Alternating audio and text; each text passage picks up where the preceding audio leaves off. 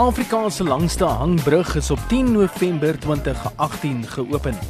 Die Maputo Kantembe brug tussen KwaZulu-Natal en Maputo, Mosambiek, het ten doel om die reistyd tussen die streke tot so mate te verminder dat mens binne 'n uur en 'n half van KwaZulu-Natal tot in Maputo sal kan reis. 'n Reuse verskil van die om en by 6 ure deur die ouer roete. Die brug is 3 km lank en strek vir meer as 'n halwe kilometer oor die Maputo Bay area.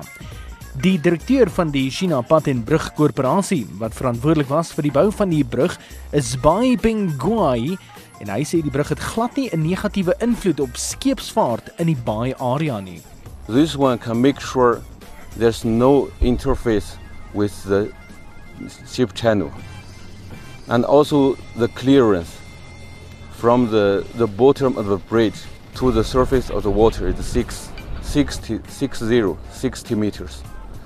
This one can be make sure in the future after 10 years the development of the local, the big ships can come in Maputo Bay.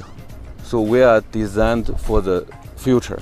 Die dorpie Katembe sal sekerlik die meeste voordeel uit hierdie brug onmiddellik trek, juis omdat hulle die naaste aan die brug ook is.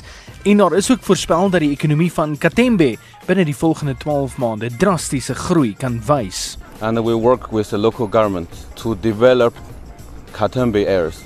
This we call that areas Katembe City.